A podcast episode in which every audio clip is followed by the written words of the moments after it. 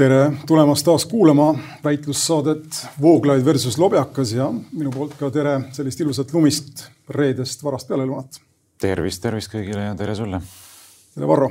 ja meil on täna kaks teemat nagu kokku lepitud meie, meil omavahel. Need teemad on ennustatavalt ilmselt üks puudutab valitsuse vahetust, mis leidis aset sel nädalal nüüd ametlikult ning teine puudutab koroonaviirust, meetmeid ja vaktsineerimisi ja siin on tegemist teemaga mis ajaga mitte ei selgine, vaid ma ütleksin, et läheb üha hägusemaks ja püüame siis natukene lahata seda kõike.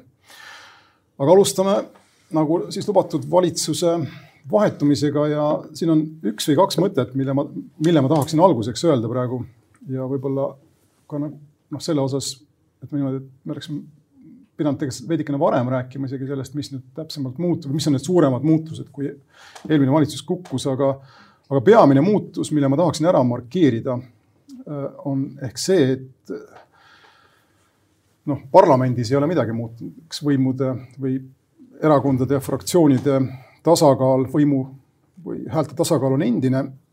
aga üks asi, mis mulle tundub, et on nüüd muutunud ja mis ma loodan, et on muutunud, on see tunne, mis oli kohe pärast eelmisi valimisi, et kui EKRE-t valitsusse ei võeta, siis järgmine kord saavad nad viiskümmend protsenti häältest. Ja seda rääkisid kõik oli inimesi Reformierakonnas, oli loomulikult Isamaas, oli Keskerakonnas, oli isegi sotside seas. see tunne, et EKRE kuulub valitsusse absoluutselt selle tulemuse põhjal üheksateist saadiku kohta saja ühest, oli, oli nagu massiivne ja minu arvates nüüd peaks selge olema, et mitte midagi ei juhtu, kui EKRE-t valitsuses ei ole ning ei võta nad ka viitekümmet häält järgmistel valimistel.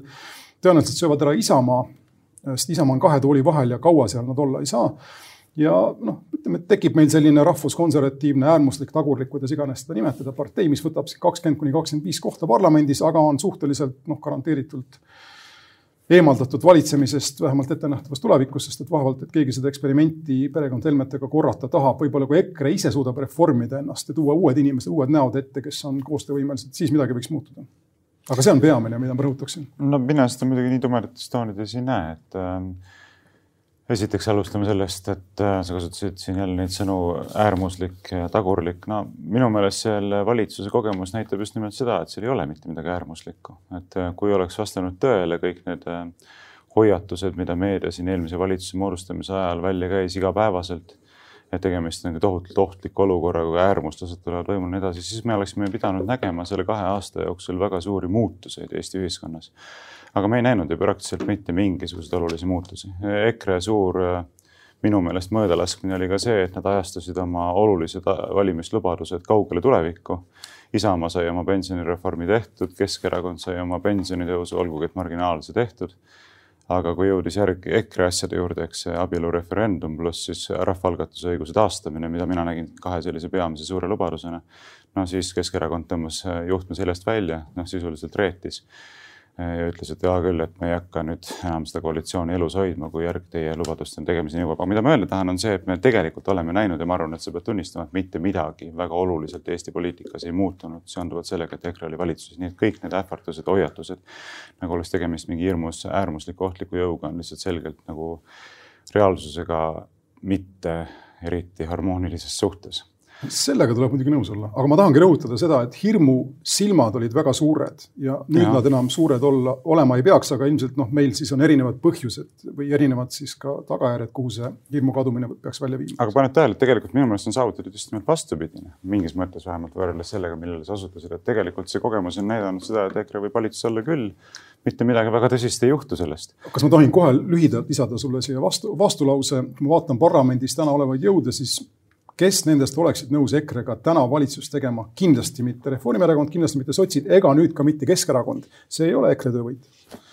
Võib-olla küll nii, ma ei oska seda öelda. Ja, ja ma olen sinuga selles osas kindlasti nõus, et ega nad seda viitekümmet kohta parlamendis mitte kuskilt iseenesest ei võta, ma arvan, et eeldusi praegusel hetkel selleks ei ole. et nende eelduste loomise nimel tuleks väga tõsiselt tööd teha see on üks asi, mis minu meelest on jäänud ka tegemata pikka aega, on elatud sellises nagu väga lühikeses perspektiivis. aga kui mina oleksin otsustajate seas, ma pööraksin palju rohkem tähelepanu sellele, kuidas luua eeldusid, et ähm, kahe aasta pärast, kuue aasta pärast, kümne aasta pärast võiks mingisuguse tunduvalt suurema hulga kohti parlamendis võtta. ma arvan, et nende olemasolevate eelduste peal seda on väga raske näha, kuidas seda märkimisväärselt kasvatada, võib-olla kakskümmend viis heade asjaolude kokkulangemisel, kui siin tõesti tulevad välja mingisugused korruptsioonijuhtumid või leiavad kinnitust juba olemasolevad kahtlustused ja nii edasi. ja need jõuavad siis lahendini valimistele eelneval ajal või nii edasi, et noh, heade asjaolude kokkulangemisel, sõltub muidugi vaatepunktist, kellel hea, kellel mitte. on see võimalik, aga mingit suurt hüpet ma siit niikuinii ei näe. no üks äh, faktor, mis on üsna otsustav ja mis on üks kahest, ütleme sellisest olulisest arengust minu nägemuses Eesti poliitikas, mis on nüüd selle uue valitsusega pandud tegelikult nii-öelda pausi, pausile või pausinupp on sees, aga mis ka peavad nagu otsustatud saama. üks sellisteks, üks nendest faktoritest on Reformierakonna pärandi küsimus. Kaja Kallas ei kuulu Reformierakonna tagatuppa, see valitsus, mis nüüd võimule tuleb, on sisuliselt ekspertide või isegi teise ešeloni valitsus, see on meelega niimoodi tehtud, et survet maha võtta, aga ütleme siis selline ma ei oskagi eesti keeles seda väljendada, aga kindlasti mingi sõna selle jaoks, aga selline noh, otsa vaatamine sellele, mis juhtus aastatel ütleme kaks tuhat viis kuni kaks tuhat viisteist ja palju seal ja seal oli palju seda, mida me enam näha ei taha. kui kindel me saame olla selles, et Reformierakonna juhitud valitsus, juhitud valitsused seda tagasi ei too, eks see on üks küsimus ja ma arvan, et kahe aasta pärast valimistele minnes EKRE ja ka Isamaa ja üldse opositsiooni edu sõltub paljuski, paljuski sellest, kuivõrd siis Kaja Kallas on suutnud meid valijatena veenda selles, et Reformierakond on reformeerunud selles mõttes ning teine küsimus muidugi puudutab äh, vähemuste küsimust. meil on äh, valitsuses, ütleme jälle kümme aastat tagasi kerides või ütleme viimast, ütleme viimast paari aastat unustades on meil valitsuses ju kaks äärmusparteid, ühed, ühel on Vene valijad väga tähtsad, teiselt te, teine on äh, mitu korda võimule tulnud Vene kaarti lauale lüües paar nädalat või kuu aega enne valimisi, eks kogu ülejäänud debati kõrvale lükates on Reformierakond.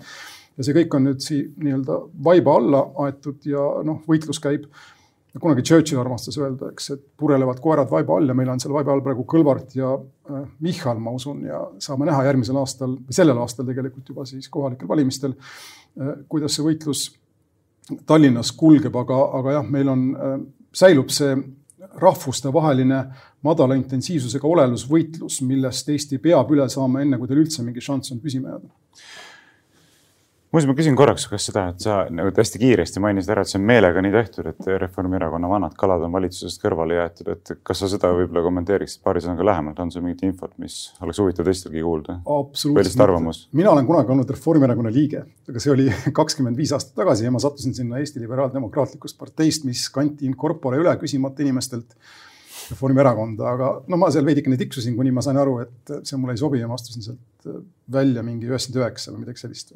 igal juhul hästi ammu, aga no mingi kontakt mul nende inimestega on ja midagi ma enam-vähem saan aru sellest hingeelust.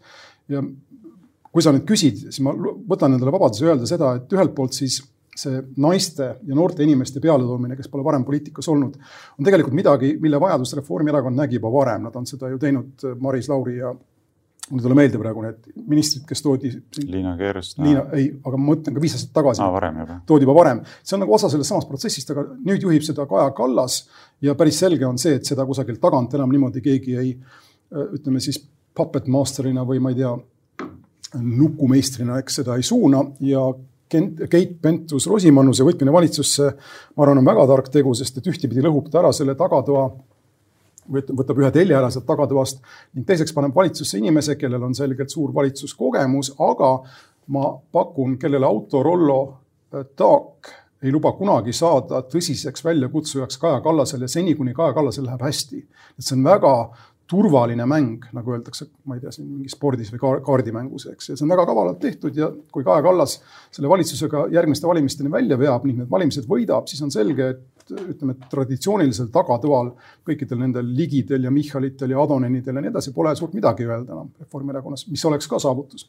No no muidugi mind paneb mõtlema ikkagi kogu selle asja juures, kui sa nimetasid siin Keit Pentus-Rosimannust ja tema Autorollo pärandit ja muid selliseid asju, et äh, see reaktsioon, mida me oleme näinud meedia poolt selle uue valitsuse ametisse astumine, astumisele, on olnud ikka niivõrd teravas kontrastis võrreldes sellega, mida me nägime kaks aastat tagasi, kui moodustati parasjagu valitsust, millesse siis plaanide kohaselt pidi hakkama kuuluma ka EKRE, eks et see tohutu kriitikalaviin nagu lakkamatu hommikust õhtuni, mis tuli nii äh, kommertsmeediast kui ka riigimeediast, ERR-ist, eks.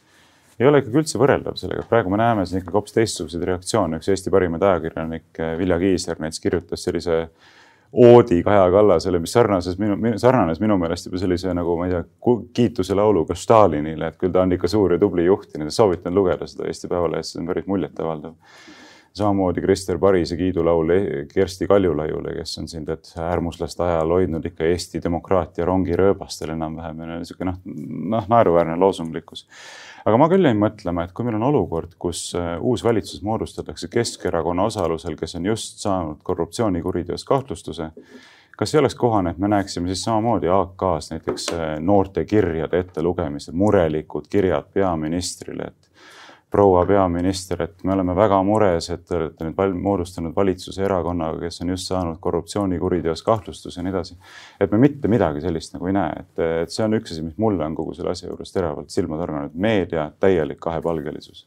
mina ei ole mingi Keskerakonna apologeet, kaugel olgu see mõte minust, aga ma pean ütlema, tunnustavalt pean ma siiski märkima või nende kasuks pean märkima ära järgnevad punktid, esiteks Mailis Reps kes meenutagem, oli Keskerakonna presidendikandidaat, kunagi osutus üllatavalt tõsiseltvõetavaks, sattus nüüd skandaali, juhatas läbirääkimisi pärast Jüri Ratase taandumist ning taandas ennast ise ministriametist.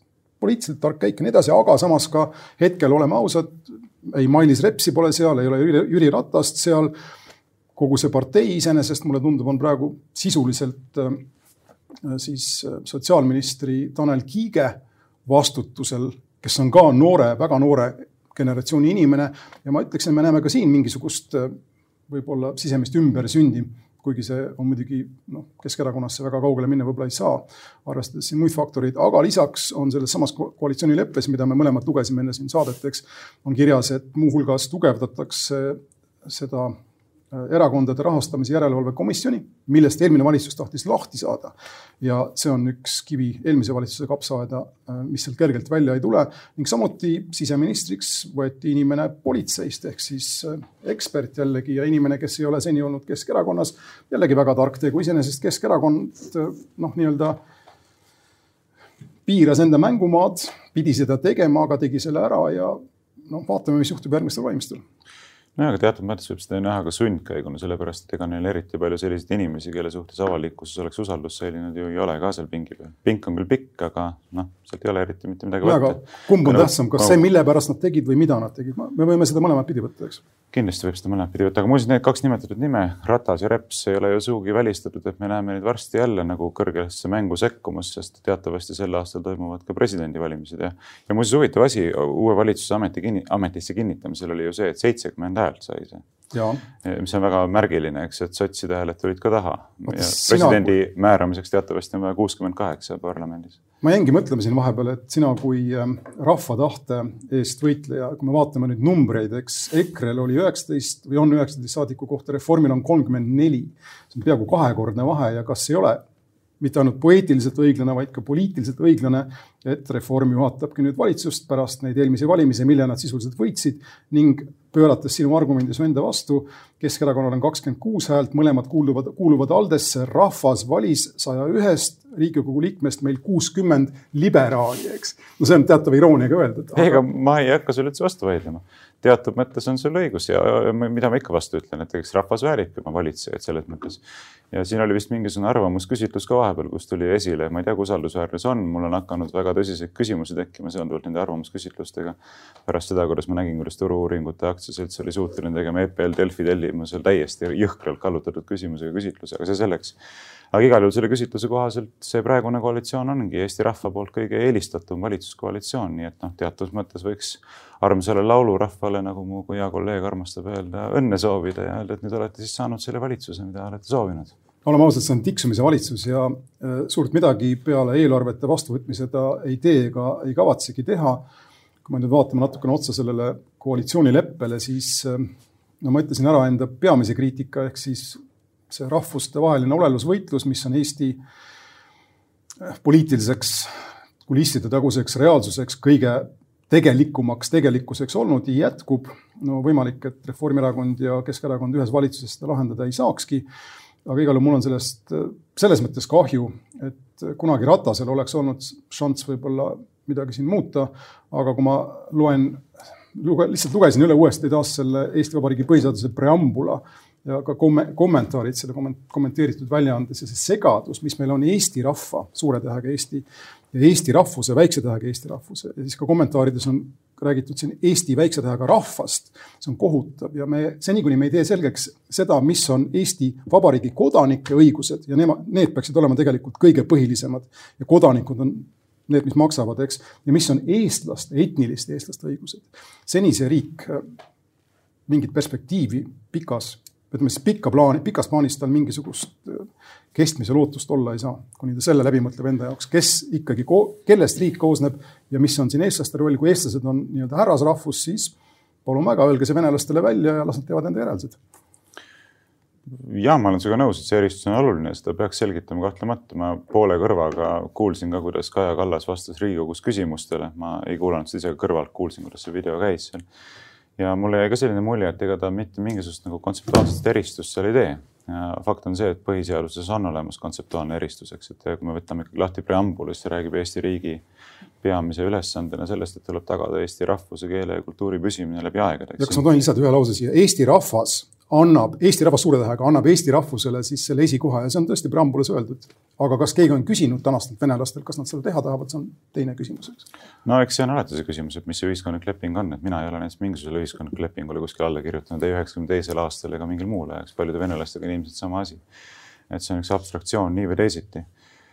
aga oota, mis see oligi, mida ma tahtsin kommenteerida ennem kui sa. seal on muid teemasid ka või sa tahad rahvastikku? me läksime selle koalitsioonilepingu juurde jah, sujuvalt, et jah, mul oli küll mõned mõtted, mida ma ennem oleks tegelikult tahtnud veel kommenteerida või tegelikult tahtnud sinu küsi arvamust küsida sellele, aga võib-olla siis, võib-olla siis see jääb sinna pidama. ma just markeerin ära, mida ma tahtsin küsida, et ma siis tegelikult tahtnud küsida sinult ka, et kui sa nüüd täiesti ausalt nagu vaatad selle pildile, kas sulle ei tundu see nagu meediareaktsioon siiski nagu kahepalgeline, et kuidas nagu millise kriitikavabadusega vaadatakse praeguse valitsuse ametisse astumisel olukorras, kus on üks partei saanud just korruptsioonikuriteo kahtlustuse, eks. ja kui sa võrdled seda kahe aasta taguse ajaga, et kui sa kujutad ette, et kui nüüd see EKRE oleks saanud korruptsioonikuriteo kahtlustuse ja ometi oleks temaga Keskerakond või Reformierakond valitsust moodustanud, milline oleks siis olnud meedia reaktsioon? millisesse, millisesse erakonda kuulub Kersti Kracht? Äh, ja, aga ta ei ole ju teatavasti mitte kuidagi saanud kuriteokahtlustust seonduvalt parteiga no,, eraisikuna. Seda, kahtlustus... seda ütles ka prokuratuur otse välja. see kahtlustus ei ole samal tasandil Keskerakonnaga. ma, ma ei jälginud neid arenguid. kas, temalt on võetud ära see kahtlustus? seda ütles riigiprokuratuur ka, et tema on saanud see eraisikuna, mitte nagu Mihhail Korb, kes. seda küll, aga eraisikuna selgelt ju ta, tal oli väärtus inimestele, kes tema teenet tahtsid tänu sellele, et ta oli Martin, Martin Helme parem käsi. ja, ja, aga erakond ei ole saanud, see on fakt, eks. ja, ja eraisik ei ole saanud ka seonduvalt. aga EKRE peaks endale otsa vaatama tänu Kersti Krahtile, see on minu mõte. see on kindlasti tõsi, ma arvan, et tuleks teha tõsisemaid samme, et välistada selliste olukordade teket, aga see selleks. aga, aga mida ma tahan öelda lihtsalt, küsida sinu käest, kas sulle ei tundu, et siin on nagu kohutav kogus silmakirjalikkus, ma teise näite veel tuua, et president Kaljulaid, eks, kui oli eelmise valitsuse ametisse vannutamine Riigikogus, läks saalist välja, kui Marti Kuusik läks ametivannet andma aga nüüd, kus läheb andma terve trobikond ministreid, kes esindavad erakonda, kes on saanud ametlikult kuriteokahtlustuse, olgu et Kuusik ei olnud mingit kahtlustust selleks hetkeks veel saanud Äh, ei lähe, ta mitte kuskile, istub rahulikult, eks probleemi ei ole, nii et noh. Tahad, ma ütlen, ühesõnaga, kas sa tahad, ma, on see retooriline küsimus või ma? ma ei tea, vali ise, kas tahad selleks aega kulutada või mitte, aga minu meelest see on nagu asi, mis vääriks tähelepanu, sest meedia ise sellele tähelepanu ei taha pöörata eriti. pisikese tiraadi ma endale lubaks ja ma lõpetaksin selle küsimusega, kuulaja küsimusega, mida ma sulle ka mainisin meie omavahelises korrespondentsis, mis ja see on midagi, mis mind huvitaks, kuidas sa seda, ühesõnaga midagi, millele sa võiksid vastata. see on üle, ülejääk eelmisest saatest, aga sinna me kohe jõuame. põhimõtteliselt, mida ma öelda tahan, on see, et Reformierakonnal, nagu ma ütlesin täna ja olen korduvalt öelnud, on, on, ühesõnaga tema kohal on väga suur vari, eks. ja see on seesama raha, võimu ja ütleme siis mingisuguse laiema kui lihtsalt raha korruptiivsuse võrk, eks, mis teda ümbritseb, seal ei ole mitte ainult tegemist äh, sellega, et inimesed tahaksid raha teha, vaid võim tehakse rahaks või on võim varem rahaks tehtud niimoodi, et teatud isikud saavad sellest kasu, aga suuremal või olulisem on see, et Eesti riik või ütleme siis võimuorganid noh, ütleme siis põlistuvad või see soov tundus, tundus olevat soov Reformierakonnal põlistada end võimule kõiki neid meetodeid kasutades ja tal tuleb nüüd meid veenda selles, et partei see plaan on muutunud ja see, mida kunagi Siim Kallas ütles enne kaks tuhat viisteist või mis iganes valimisi, et ükski partei ei saa minna valimistele kaotama. ehk sisuliselt ta õigustas seda eelmise Reformierakonna tegevust, sõltumata siis sellest, kui halb see oli. see peab muutuma. Kui vaja, läheb parteiga valimistele kaotama ja Keskerakond näiteks sisuliselt kaotas need kaotas peaministri koha ja leppis sellega. ja see on vaja Eesti poliitikas teha reegliks, et kui keegi on tõsiselt eksinud, siis ta peab ka olema valmis kaotama. nüüd üks, üks teine asi tuleks veel reegliks teha, ma ei tea, kas sellest jätkata, aga ma nii osutasin sellele, et minu meelest nii Reformierakond kui Keskerakond võlgnevad väga suures osas oma edu ka Kaitsepolitseiametile. kaitse, Keskerakond võlgneb seda tänu sellele, et Kaitsepolitseiamet on oma sõnulgi aastakümneid pingutanud, et hoida ära Vene partei tekkimine Eestis, mistõttu on Keskerakond saanud suure hulga venelaste inimeste hääli, olgugi et nad tegelikult ei esinda sugugi neid hoiakuid, mis Vene valijaskonnal on olulised. näiteks praegu abielureferendumi küsimus oli ka, eks üheksakümmend protsenti Keskerakonna toetajatest oleks tahtnud hääletada sel referendumil jah, eks. ometi Keskerakonna juhtkond oli seal täiesti vastu, kuni sinnamaani välja, et astus samme referendumi põhja laskmiseks. kas ma tohin lihtsalt torgata ühe lause vahele, mis sind toetab praegu no,? see on see, et Keskerakond ei ole aastaid kontrollinud olukorda Narvas mis on ehk kõige kaugem punkt, ütleme, Vabariigi Valitsusest üldse meil, kui me võtame kohaliku võimu, eks, ma, ühesõnaga ma olen sinuga nõus ja siin on Keskerakonnal suuri probleeme ja noh, kas su argument nüüd kapo osas pädeb, selle, selleni jõuame. kapo on ise öelnud, et nemad on uhked selle üle, et nad on hoidnud ära Vene partei tekke. kui Vene partei oleks tekkinud, siis Keskerakonnal ei oleks mingit lootust, oleks väike nišipartei seal mingi kümne protsendi juures. ausalt, mina pole sihukest tsitaati kunagi näinud äh,. võime kapo välja otsida, võime okay. välja otsida okay.. ja Reformierakonnaga võib noh, paljuski sama öelda, et kui kaitsepolitseile näiteks on teada, kes on see juhtiv reformierakondlane, kes võttis VEB Fondist välja, eks ole, kakskümmend miljonit eurot või dollarit, eks ja nad ometi hoiavad seda salastatuna viiskümmend, viiekümneks aastaks ja ei ütle seda välja. no siis see näitab, et tegelikult mingid väga tõsised liinid on nagu kinni mätsitud, mille tõttu Reformierakond saab endiselt hoida üleval oma renomeed sihukese nii-öelda valge jõuna, eks ole et noh, need, need, vot sellised asjad peaks ka minu meelest muutuma, noh kuni sinnamaani välja, et me siiamaani ootame Kaitsepolitseiametilt ja prokuratuurilt selgitust, miks oli vaja seekordki sekkuda poliitilistesse protsessidesse, tulles välja oma kahtlustustega päev enne abielureferendumit. et minu jaoks teeb nagu väga tõsist muret see, et me näeme nagu järjest rohkem, kuidas me liigume selles, sellise riigi mustri suunas, kus asju otsustatakse hoopis teistel tasanditel kui ütleme demokraatlike protsesside kaudu. põhimõtteliselt ma olen sinuga nõus ma ei hakka nüüd aega kulutama sellele, et öelda veel kord, kus ma nõus olen ja kus ma võib-olla nõus ei ole, aga ütleme niimoodi, isegi see Vene partei ärahoidmise mõte on ju tegelikult läbi käinud, kui ma tagasi mõtlen pronksiööde aegsele järgsele ajastule või olukorrale, kus kaitsepolitsei avalikult takistas Vene aktiivi mobiliseerumist, eks siin ma kusagilt lugesin, et tehti, ma ei tea, võeti inimesi rajalt maha, kes läksid mingitele kohtumistele, kuna nende numbrimärgid olid porised, eks, ja siis Maksim Reva ei jõudnud kohale või mis iganes. Ja noh, kaitsepolitseil on see ülesanne, ta näeb seda sellisena, ma arvan, see on lühinägelik vaade ühiskonnale, aga olgu, aga et nüüd asi ei jääks ühepoolseks, siis sa küsisid mult äh, silmakirjalikkuse kohta, eks, ja ma lihtsalt mm. tahan äh, üles lugeda need suuremad ja väiksemad eksimised siis, mille, tänu millele äh, väga suur osa ühiskonnast hingas kergendatult. tegemist on kergendusohka valitsusega, mida Kaja Kallas praegu juhib, eks. päikesetõusu valitsusega, jah? ei, mitte päikesetõus, noh, see on midagi muud, aga ütleme niimoodi, et kergendusohe ja kui me võtame ette sedasama hakkame sellest Marti Kuusikust peale ja mitte kaugel pole sealt Mart Helme, eks, ühel oli naisepeksu süüdistus, teine on noh, flirdib misoküünse või sellise naisi osatava jutuga läbi enda poliitilise karjääri, eks. naised nooremad naised, kes on enda staatuse pärast mures, kes tahavad näha võrdõiguslikkust, kes tahavad näha võrdseid võimalusi. sellises ühiskonnas, sellises õhkkonnas nad tunnevad ennast ohustatuna. me võime nüüd päeva lõpuni vaielda, kas see on tõsi või mitte, aga fakt on see, et nad on olemas ja Vilja Kiisler esindab neid väga hästi. Eesti parim ajakirjanik. räägime rassismist, ma olen selle ise ära unustanud, ma tunnen äh,. ma olen alati su huumorimeelt osanud hinnata aitäh, ma tunnen ise teatavat äh, süüd praegu, et ma ei ole eelmistes saadetes meenutanud seda taaka, millega läksid EKRE ministrid äh, valitsusse, eks kõik need, võime jälle vaielda, kas see paremäärmuslik sümbol oli paremäärmuslik sümbol või ei olnud, aga kui on must, siis näita ust, eks neegritel on puupead ja nii edasi, kõik see jutt tuli ju inimestelt, kes said EKRE ministrit, eks. See jällegi, see läheb vastu sellele kahekümne esimese sajandi lubadusele, mida noorem põlvkond, nooremad inimesed, eriti naised, aga ka mehed, äh, ootavad Eesti võimudelt ja valitsuselt. Ja ja noh, sinna pole midagi parata. siin äh, seesama natsidega flirt, eks, millega on seostatud Madissoni, aga ka teisi inimesi, äh, noort Madissoni, äh, on midagi, mida Eesti võimud ei tohiks endale lubada ja kõik see kombineerub selleks kergendusohkaks ja nüüd ma tahaksin jõuda nende küsimusena, mille ma siis lubasin ära küsida, sest et üks vähemus, mida eelmine valitsus väga jõuliselt ründas ja ka sina tunned, tundud noh, ütleme siis kelle, kelle eksistentsi kohale sa tundud aeg-ajalt panevad küsimärgi, on ju geid, eks, samasoolised armastajad. sa ütlesid möödunud saates, et geide õigused on pseudoõigused ja see oli saate lõpp ja mul ei olnud aega küsida ja see lihtsalt läks läbi. aga kui sa ütleksid paar sõna selle kohta, mida sa pead silmas selle mõttega pseudoõigused, kas sa mõtled nende õigust elule, kas sa mõtled nende õigust esindatusele, kas sa mõtled nende õigust lihtsalt abielule? no näe, nüüd on muidugi oht, et me vahetame teemat, eks, sellepärast et see, see läheb teeme pikalt, selle lühidalt. see läheb pikalt ma ei eita loomulikult mitte ühegi inimese inimõigusi, aga pole olemas mitte mingisuguseid spetsiifilisi geide õigusi, nagu räägitakse, ei ole sellist asja olemas. see on kõik väljamõeldis. igaühel on õigus elule, igaühel on õigus sõnavabadusele, igaühel on õigus eraelu puutumatusele, igaühel on õigus.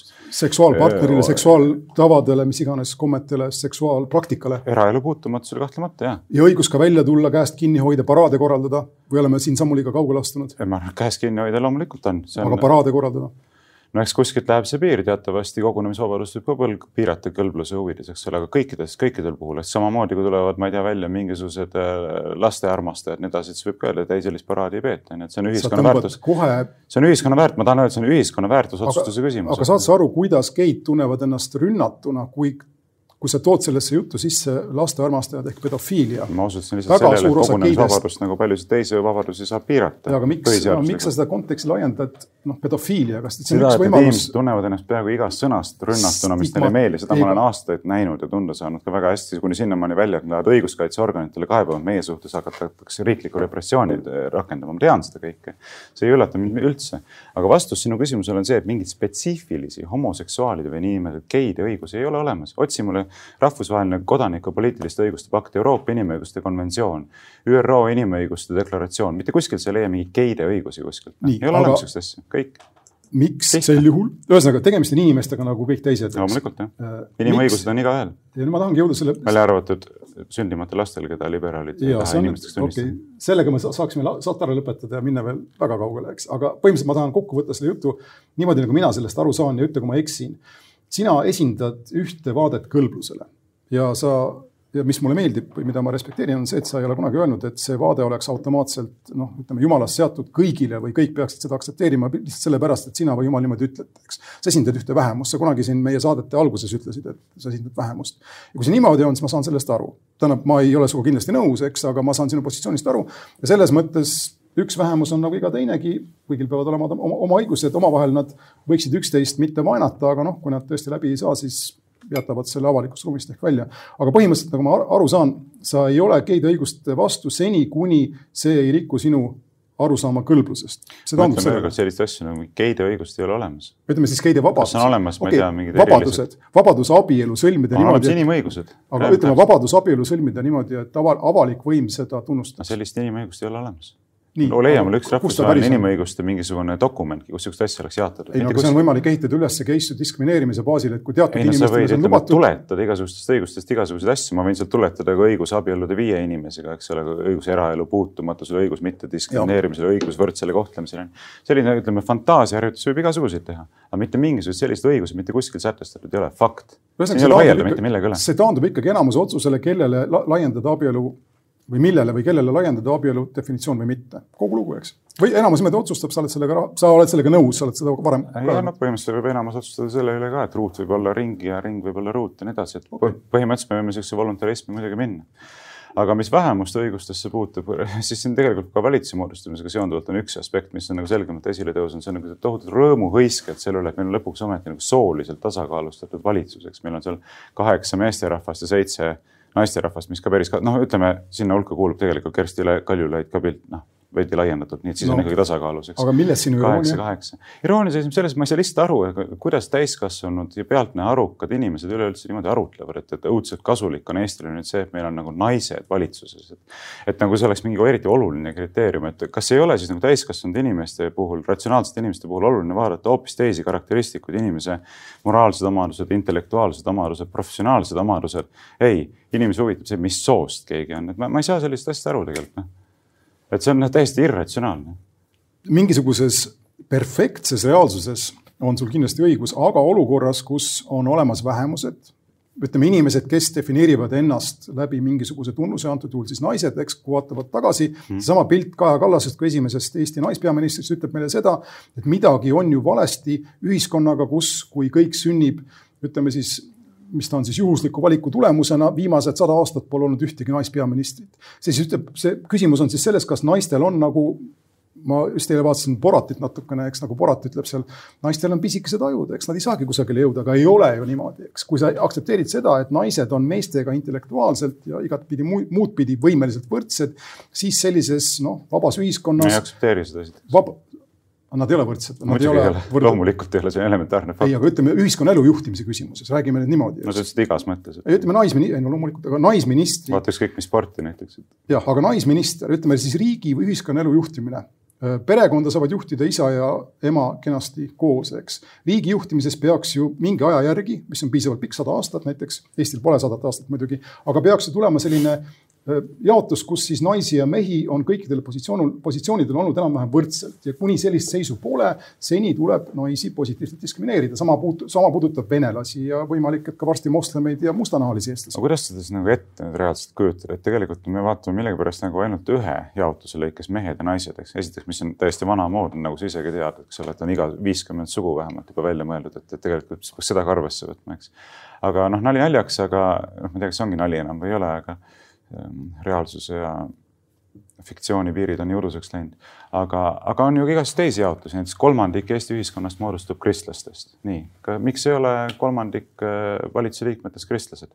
jumala eest, president läheb ju, kui ma ei eksi, igal jõulupühal kirikusse, ta ei lähe kusjuures ta ei lähe moslemite pühade ajal mošeesse, mošeed meil ei olegi päriselt, eks ta ei lähe ka vene õigeusu kirikusse. ja see on fakt, et meil on kolmkümmend protsenti kristlasi, kui sa võtad siia juurde, ma ei tea, ka võib-olla õige, õige, õigeusklikud, eks. aga nende noh, poliitiline olemasolu või kohalolu on ju absoluutne, eks kõik valitsusorganid meil tunnustavad kristlust kui sellist. raha antakse kristlikule kirikule, raha ei anta. miks me ei peaks lähtuma sellest, et kolmandik valitsuse kohti peaks kuuluma kristlastele? no kui sa ütled, et pooled kohad peaks kuuluma naistele põhimõtteliselt. Ja kus see, kui sa võtad nagu, et üks vähemus või mis vähemus on, naisi okay. on rohkem kui mehi, nad ei ole vähemus, alustame sellest, mehed on vähemus. kui ma nüüd selle saja käima tõmban, siis me ei lõpeta seda. ei, aga lihtsalt küsimus on selles, me ei saa kunagi, ma ei tea, kasvõi juuksevärvi või mille iganes, varandusliku seisu järgi või. Äh, aga sa oled ju ammu, ma olen kindel, aru, ühesõnaga sa tead, et ammu on meie ühiskonnas seis selline, kus keegi, kus see, et keegi on kristlane, suuremalt jaolt ei tähenda mitte midagi, ta võib-olla käib siis kirikus kaks korda aastas, eks suuremate pühade. see ei ole see, mida ma pean silmas pean, ma pean silmas seda, et sa võtad mingi ühe, valid ühe aluse välja ja selle järgi ütled, nüüd peab võrdsus olema, kõik teised alused on nagu. aga mina tahan ikkagi rõhutada seda, et kristlane on inimene, kes enda sisimas usub lunastaja sõnumit, eks, ja palju meil selliseid inimesi on ja palju meil on selliseid inimesi, kes lihtsalt silmakirja, silmakirjalikkuse pärast ei käi kirikus. kui sellised inimesed kokku võtta ja nende protsent välja arvutades, ma oleks peaaegu et nõus ütlema jah, olgu siis valitsuses üks liige kristlane no jaa, aga isegi selline kvoot on ju absurdne sellepärast, et võib-olla see inimene ei jaga mitte milleski mitte midagi, eks ole, et ta ei, pannakse ennast justiitsministriks, tal pole juriidilist haridust, kõrgharidustki nagu praegusel justiitsministril, eks ole. mis vahet seal on, millise vähemuse esindajad, minu meelest see on nagu erakordselt primitivistlik selline mõtteviis. no sa ei arva. ja niimoodi me kaugele ei jõua sellega, paneme siis armees ka pooled olgu mehed, pooled olgu naised, eks ole. no ma oskan lihtsalt. politseinike seas pooled mehed, pooled naised, noh, me läheme rappa siukse mõtteviisiga. ma oskan taas lihtsalt üle küsida, kuidas sa seletad seda pilti, mis on laialt nüüd levinud siin sotsiaalmeedias, eks ma ei tea, mitukümmend peaministrit, viiskümmend peaministrit, võib-olla meil olid kiired valitsused siin ka enne sõda ja üks naine ainult nende seas see viimane.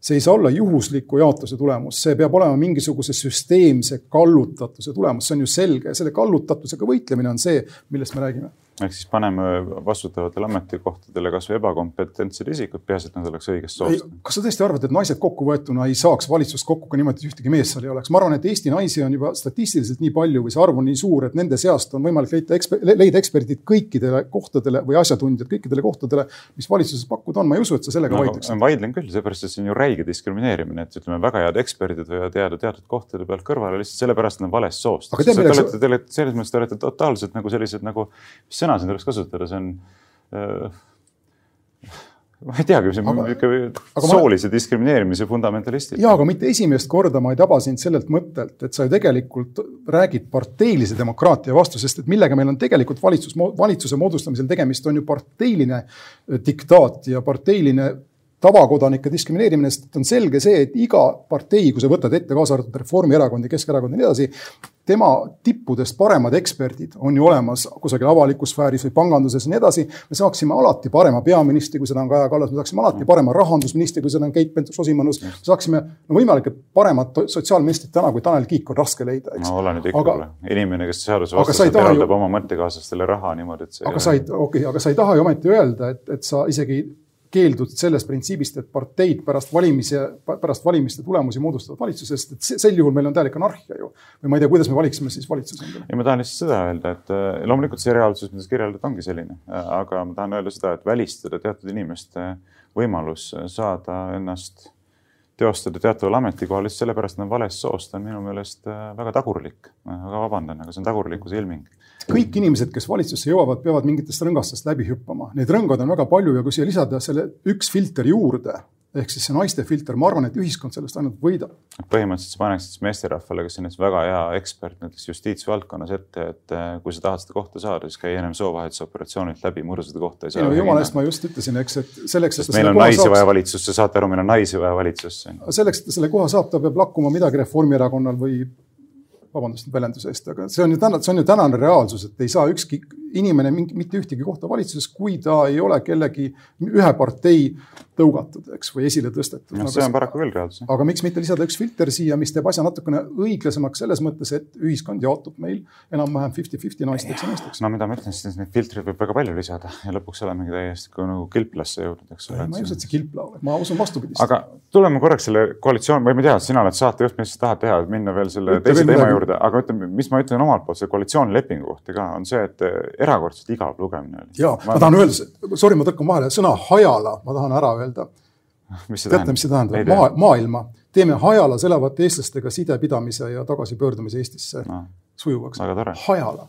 ei ole kuulnud sihukest sõna aga lihtsalt kohutavalt laialivalguv ja, ja seda ma tahan öelda küll selle koalitsioonilepingu kohta, et vähe ambitsioonikas, minu meelest ma ei näinud ühtegi sellist suurt ja, ja reaalselt mõõdetavat eesmärki, mille poole tahetakse jõuda nüüd selle kahe aastaga, mis on järgmiste valimisteni, eks. teeme mingi konkreetse asja ära, noh a la taastame presidendi otsevalimised, taastame rahvaalgatuse õiguse. ma ei tea, korraldame mingil teemal referendum, ma toon lihtsalt näiteid eelmisest sellest, eks ole, noh presidendi otsevalimisi kahjuks ei olnud, aga. aga noh, mingit konkreetselt mõõdetav asi tegite ära või ei teinud, eks lubasite, eh, tegite, lubasite, ei teinud. seal on väga palju selliseid kahe tuhande viiekümnendaks aastaks võtame suuna sellele, et suurendada mingisuguse asja osakaalu, mis ei ole tegelikult üldse nagu eesmärk, selles mõttes ei ole mõõdetav, absoluutselt mingi siht või deklaratsioon. ja noh, tohutult üldsõnaline laialivalguv tekst, et ausalt öeldes ma arvan, et isegi Reformierakonna ja Keskerakonna pooldajatele ma ei usu, et see eriti muljetavaldav dokument on. mul tuli veel üks võrdlus pähe, kui ma sind kuulasin praegu, see on kassi ja koera valitsus ja ma arvan, et meie lootused selle valitsuse ambitsioonide osas peaksid ka olema vastavad. Neil on kaks eraldi tuba, võimalikult vähe puutuvad nad kokku, eks, nendel pindadel, mis, mis nendele tegelikult korda lähevad. vähemusküsimus on siin üks ja siin on ka veel teisi. Ja nad noh, paremal juhul nad tellivad kahe peale võib-olla väga väikese koera toitu, eks, et mõlemad saaks, saaks söönuks, aga, aga see on see reaalsus ja sinna pole midagi parata, see on kaks tuhat üheksateist valimiste tulemus. Ja oli näha kohe pärast parlamendivalimisi, et siit tuleb üks väga nadi neli aastat parlamentaarselt. tundub nii, aga üks asi, millele ma konkreetselt vaatasin, otsisin vastust, see, kas on midagigi selles koalitsioonileppes, millega laiendatakse rahva demokraatlikke õigusi või kas on siin midagi, millega reaalselt laiendatakse päris kodaniku õigusi või vabadusi. ma ei leidnud praktiliselt mitte midagi. päris kodanik? ja, ja mis on mitte mingid pseudoasjad, mis on välja mõeldud, eks ole, vaid noh, päriselt nagu sõnavabadust või eraomandi puutumatust või õigust elule või või midagi muud. õigust relva kanda. no ka, ka seda jah, ma arvan, et seda nad hakkavad väga jõuliselt piirama muuseas, aga, aga see, selleni me veel no, jõuame järgmistes. koalitsioonilepingus ma otsisin seda, seal ei ole. seal ei ole, aga ma arvan, nad mõlemad on vägagi nõus, kui seda õigust koomale tõmbama hakatakse. nii, aga teeme väikese pausi. see on küll väga asümmeetriline paus, aega on meil üheksa minutit, aga teeme selle ära. see, kui ei ole mänedžeri, vaid mängijad saavad ise otsustada, millal nad poole aja teevad, eks pool aega on nüüd praegu ja selle teise poole sisse me jätame nüüd siis nii palju arutelu, kui mahub teemal vaktsiinid ja taustaks on siin valitsuse otsus, uue valitsuse otsus teha asju reformierakondlikult ehk siis lasta natukene vabamaks asju, võtta Harjumaa, Ida-Virumaa, Ida-Virumaa piirangud esmaspäevast alates maha. oludes, kus Eesti nakatumiskordaja saja tuhande inimese kohta kahe nädala jooksul, eks on meil siin ligi kuussada, see on kõrgem kui Rootsis kui me rääkisime kunagi siin Rootsi meetodist, Eesti on ammu ees sellest ja Soome pani piirid kinni kusagil kuuekümnese kordajaga, eks siin, see on teine oluline sündmus siin. ma ütleksin, et kui siin midagi puudub, siis see on valitsuse kontroll nii kommunikatsiooni kui ka ilmselt kogu selle pandeemia üle, mis on kurb no minu meelest Reformierakond ei ole selles mõttes eriti kadestusväärses olukorras, et nad opositsioonis olles õudselt kritiseerisid valitsuse poolt rakendatavaid meetmeid selle niinimetatud pandeemia oht, ohjamiseks, eks. Aga nüüd, kus on siis ise võimalik neid meetmeid rakendada, saab näha, mida nad siis nii väga palju oskuslikumalt teevad, et need asjad nagu oluliselt paremuse poole pöörduksid. ja ma julgen arvata, et nad ei tee mitte midagi märkimisväärselt paremat, ju nad eksperimenteerivad ühtepidi, ju nad eksperimenteerivad teistpidi aga ma küll ei usu, et sealt midagi kvalitatiivselt erinevat tuleb, ikka tehakse samu asju, mida igal pool tehakse. ei julgeta käia mingit erinevat rada, isegi Rootsi vist on taandunud sellelt oma rajalt ja öelnud, et vist vähemal või rohkemal määral isegi tunnistanud, et see on neil see eksperiment ebaõnnestunud. vähemalt poliitikute tasandil, ma ei tea, kas epidemioloogid ka seda on tunnistanud või mitte. aga jah, see, seda esiteks, aga, aga teiseks muidugi jah, ma ei oska hinnata, et ütleme, siin on väga raske selliseid seisukohti võtta, aga noh, konkreetne asi, mis sel nädalal küll silma torkas järjekordselt ja noh, teatud mõttes ei juhi peale teemast kõrvale, on see Marika Priske juhtum, eks, et mis näitab järjekordselt seda, kuidas meil on siin riigis ikkagi nagu võrdsed kõik inimesed, ainult suusoojaks räägitakse seda. aga kui reaalsete otsusteni jõuab, siis ikka need, kes on võimu juures nagu kasutavad seda ära ja üritavad ise hüvedest osa saada, et Postimehe tänane juhtkiri väga õigesti juhtis sellele teravalt tähelepanu ja ma loodan, et see asi päädib ka selle inimese tagasiastumisega. see on nüüd üks nendest teemadest, mis tegelikult haakub eelmise teemade ringiga meil. ma üritasin ka seda natukene välja tuua, see on osa sellest võimu usaldamisest või lootusest, võim ei ole korruptiivne ja see on seotud Reformierakonnaga, aga mitte ainult. Eesti on arenenud selliseks riigiks viimase kahekümne viie aastaga kus me noh, ütleme niimoodi, et me ei kuku tooli pealt pikali, kui me kuuleme, et see kantsler on käinud ja saanud äh, järjekorrast väljaspool midagi või, või ma ei tea, Vene saadikule lubati siin midagi, ma lugesin ja siin oli keegi Valgas keegi haigla ülemus, kes enda sõpradele tegi ära vaktsiinid ja nii edasi, et see on muutunud meie igapäevaseks reaalsuseks ja noh, parim, mida me teha saame, on lihtsalt tõsta käed üles ja mulle, mulle meeldis olukorrast riigis, kui ma seda saadet tegin, öelda, et sa näed, aga sa ei mürista ja noh, sina tead ehk paremini, miks ta ei mürista. aga, aga noh, selline see Eesti elu on ja ja ma isegi ei kujuta ette, kust me peale hakkaksime, ilma et me läheksime tagasi kakskümmend viis ja kolmkümmend aastat tagasi ja mõtleksime, mis siis valesti tehti. see on väga masendav mõte minu jaoks mida sa täpsemalt silmas pead? sest et see on kultuur, see on poliitiline kultuur, mis meil valitseb, see ei ole lihtsalt inimeste peades sündinud mõte, et ma nüüd täna hakkan niimoodi käituma mm. -hmm. seda võetakse kui noh, tegelikkust normaalset elu, nii peabki tegema, ega, ega keegi mind kätte ei saa, kui kätte saab, midagi ei juhtu nagunii, eks selle nii-öelda normaalsus, sellise käitumise normaalsus on midagi, mille juured on põlvkonnapikkused mm.. jah, ja see normaalsus muutub muidugi seda enam normaalsuseks, kui selle suhtes silm kinni pigistatakse või isegi kui näiteks Postimehe juhtkirjas öeldakse, et nii ei tohiks, eks. aga reaalseid samme ikkagi ei tule, inimene jätkab oma positsioonil ja nii edasi. minu meelest see läheb ka väga ühte patta sellega, mida me nägime nende samade ideoloogiliste ühingute rahastamisega, millega Priske oli väga otseselt seotud, eks ole, et antakse, olgugi, et see on seadusvastane, riigikontroll ütleb, et see on seadusvastane, ütleb ei, me anname ikkagi edasi, eks ole, et, et tegelikult see on poliitilise kultuuri küsimus samamoodi. et ja.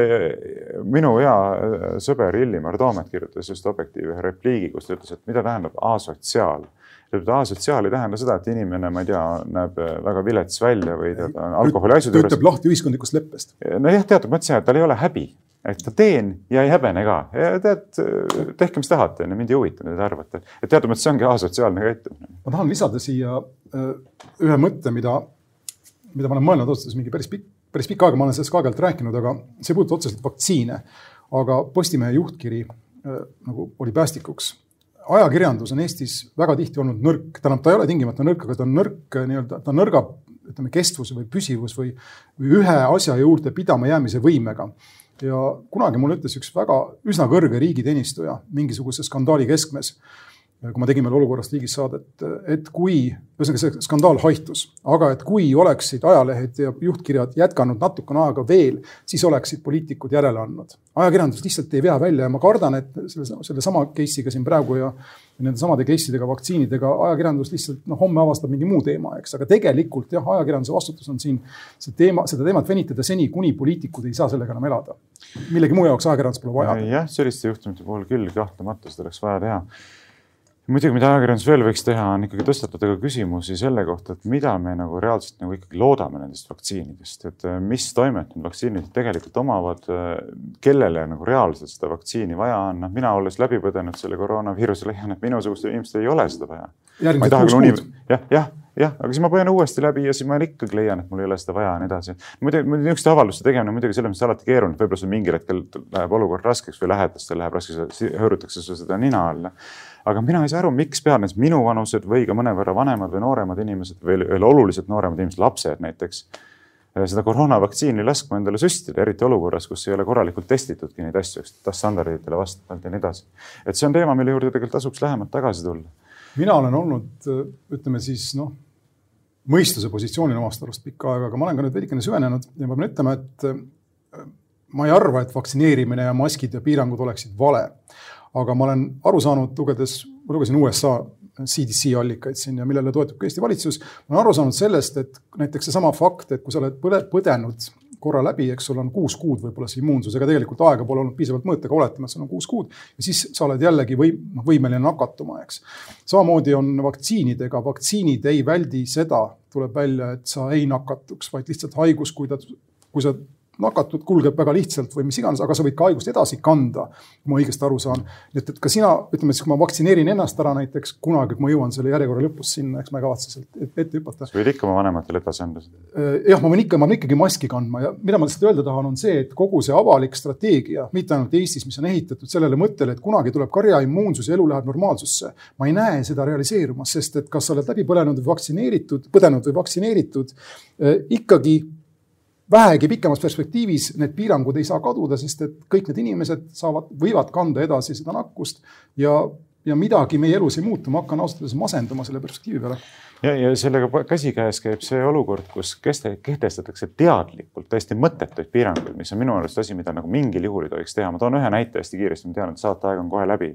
kui ma olin läbi põdenud selle viiruse, ma küsisin Terviseametis, kas mul on vähima kuue kuu jooksul võimalik uuesti nakatuda või kedagi nakatada. Nad ütlesid, põhimõtteliselt ei ole ma küsisin, kas ma võin siis mitte kanda avalikes kohtades maski enam. ütles, et ei või. ma ütlesin, miks? sellepärast, et kord ei näe erandit ette, eks ole. kõik teine. teavad, et piirang on absoluutselt mõttetu aga ometi öeldakse, noh, kord on selline ja see on väga ohtlik asi, ma leian. jah, aga ma pean ütlema, et siin on teatav selline massipsühholoogia juures, mina vaatan väga vihaselt inimesi ostu, ostukeskustes, kellel maske ei ole ükskõik mis põhjusel ja ma ei saa, ei saa siin midagi parata, see on peaaegu et refleks. ma ikkagi eeldan teatud, teatavat solidaarsust ja maski. aga sa ei tahaks ju, et sellepärast peavad kandma inimesed maski, kellel puudub igasugune mõte seda maski kanda. ma lihtsalt saan öelda, et see on, nii, see on nii pisikene vabaduse piiramine jah, et, et ütleme. ei, see ongi pisike, aga kui me hakkame laiendama sama printsiipi, siis me jõuame olukorda, kus kehtestame üleriiklikult piirangud, mille kohta kõik teavad, et see on mõttetu. aga kokkukuulumise sümbolina sedasama näidet kasutades, millega sa alustasid seda saateplokki siin praegu, eks.